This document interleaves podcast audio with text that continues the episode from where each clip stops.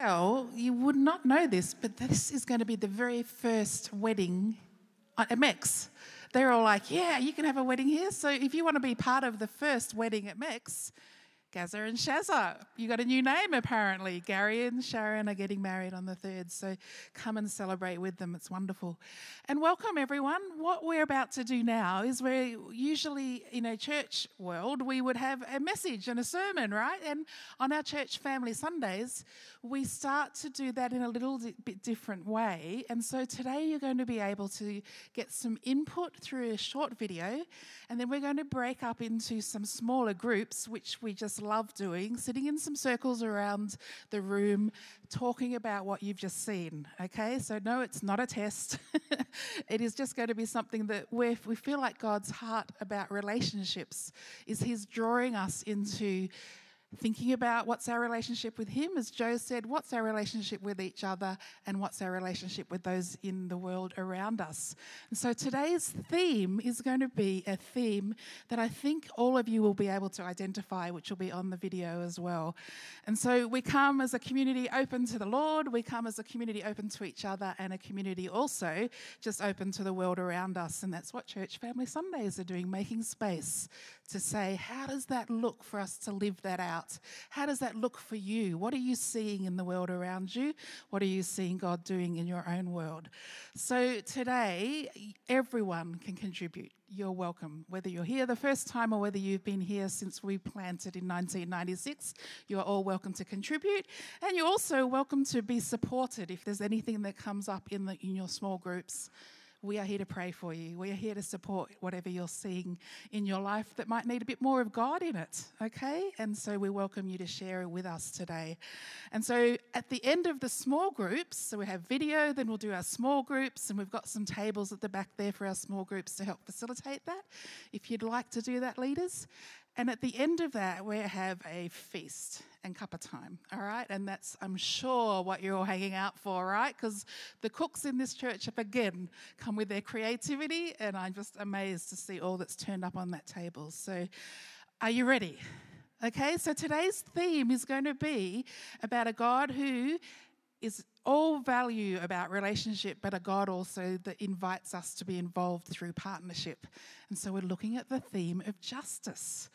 We're looking at this biblical word that is also a word that's very relevant for our times right now. And, and the big story of God is that this need for justice comes to every human being and you'll see on the video that it sets us apart from any other creature.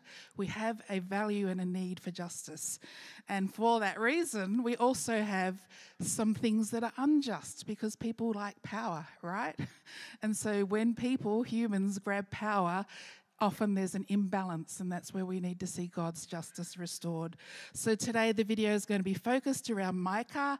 Micah talks about, he's a prophet in the Old Testament, and he said, God has told you, humans, any humans in the room? Yes, so God has told you, humans, what is good and what the Lord requires of you is to do justice, to love mercy, and to walk humbly with your God. So that's what the theme is going to be today. That as we stand with this new status of being, like we've just walked through, receiving forgiveness and fully free because of the forgiveness of Christ, we have a new status, but we also have a power to change things that are unjust unjust. Is it unjust? Unjust. What is it? Unjust, yeah. I just like the word justice, not injustice. it's not a word either. Last week I was saying, I'm just a clunky pastor that often gets words wrong, but I love the fact that you're all sitting here just kindly going, yeah, Di, it's not that word. anyway, today we're going to be looking at what does it look like to love your neighbour as yourself, as we've been instructed through justice. So, are you ready for the video? And at the end, I'll come up and just help us move into groups, okay? All good? All good? Let's do that.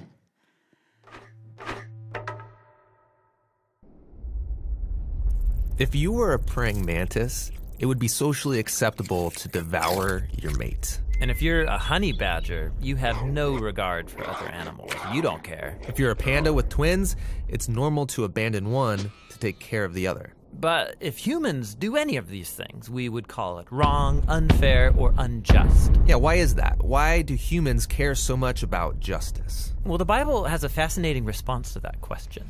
On page one, humans are set apart from all other creatures as the image of God. Yeah, God's representatives who rule the world by his definition of good and evil. And this identity, it's the bedrock of the Bible's view of justice. All humans are equal before God and have the right to be treated with dignity and fairness no matter who you are. And that would be nice if we all did that. But we know how the world really works. And the Bible addresses that too. It shows how we are constantly redefining good and evil to our own advantage at the expense of others. Yeah, self preservation. And the weaker someone is, the easier it is to take advantage of them. And so in the biblical story, we see this happening on a personal level, but also in families, and then in communities, and in whole civilizations that create injustice, especially towards the vulnerable. But the story doesn't end there. Out of this whole mess, God chose a man named Abraham to start a new kind of family. Specifically, Abraham was to teach his family to keep the way of the Lord by doing righteousness and justice. Yeah, doing righteousness, that's a Bible word I don't really use, but what comes to mind is being a good person. But what does that even mean, being good? The biblical Hebrew word for righteousness is tzedakah, and it's more specific. It's an ethical standard that refers to right relationships between people. It's about treating others as the image of God. With the God given dignity they deserve. And this word justice, it's the Hebrew word mishpat. It can refer to retributive justice. Like if I steal something, I pay the consequences. Exactly. Yet, most often in the Bible, mishpat refers to restorative justice. It means going a step further, actually seeking out vulnerable people who are being taken advantage of and helping them. Yeah, some people call this charity. But mishpat involves way more. It means taking steps to advocate for the vulnerable and changing social structures to prevent injustice. So, justice and righteousness are about a radical, selfless way of life. Yeah, and you find this idea all over the Bible. Here in the book of Proverbs, what does it mean to bring about just righteousness? Open your mouth for those who can't speak for themselves. And what do these words mean for the prophets, like Jeremiah? Rescue the disadvantaged, and don't tolerate oppression or violence against the immigrant, the orphan, and the widow. And like here, look in the book of Psalms. The Lord God upholds justice for the oppressed, gives food to the hungry, and sets the prisoner free but he thwarts the way of the wicked. Whoa, he thwarts the wicked? Yeah, in Hebrew, the word wicked is rasha. It means guilty or in the wrong. It refers to someone who mistreats another human, ignoring their dignity as an image of God. So justice and righteousness is a big deal to God. Yes, it's what Abraham's family, the Israelites, were to be all about. They ended up as immigrant slaves, being oppressed unjustly in Egypt. And so God confronted Egypt's evil, declaring them to be Rasha, guilty of injustice. And so he rescued Israel. But the tragic irony of the Old Testament story is that these redeemed people went on to commit the same acts of injustice against the vulnerable.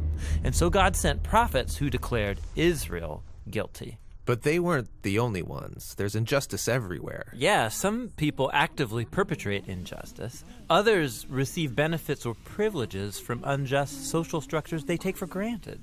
And sadly, history has shown that when the oppressed gain power, they often become oppressors themselves. So we all participate in injustice, actively or passively, even unintentionally. We're all the guilty ones. And so this is the surprising message of the biblical story. God's response to humanity's legacy of injustice is to give us a gift the life of Jesus. He did righteousness and justice, and yet he died on behalf of the guilty. But then God declared Jesus to be the righteous one when he rose from the dead. And so now Jesus offers his life to the guilty so that they too can be declared righteous before God, not because of anything they've done, but because of what Jesus did for them. The earliest followers of Jesus experienced this righteousness from God not just as a new status, but as a power that changed their lives and compelled them to act in surprising new ways. Yeah, if God declared someone righteous when they didn't deserve it, the only reasonable response is to go and seek righteousness and justice for others. This is a radical way of life. And it's not always convenient or easy. It's courageously making other people's problems my problems. This is what Jesus meant by loving your neighbor as yourself. It's about a lifetime commitment fueled by the words of the ancient prophet Micah.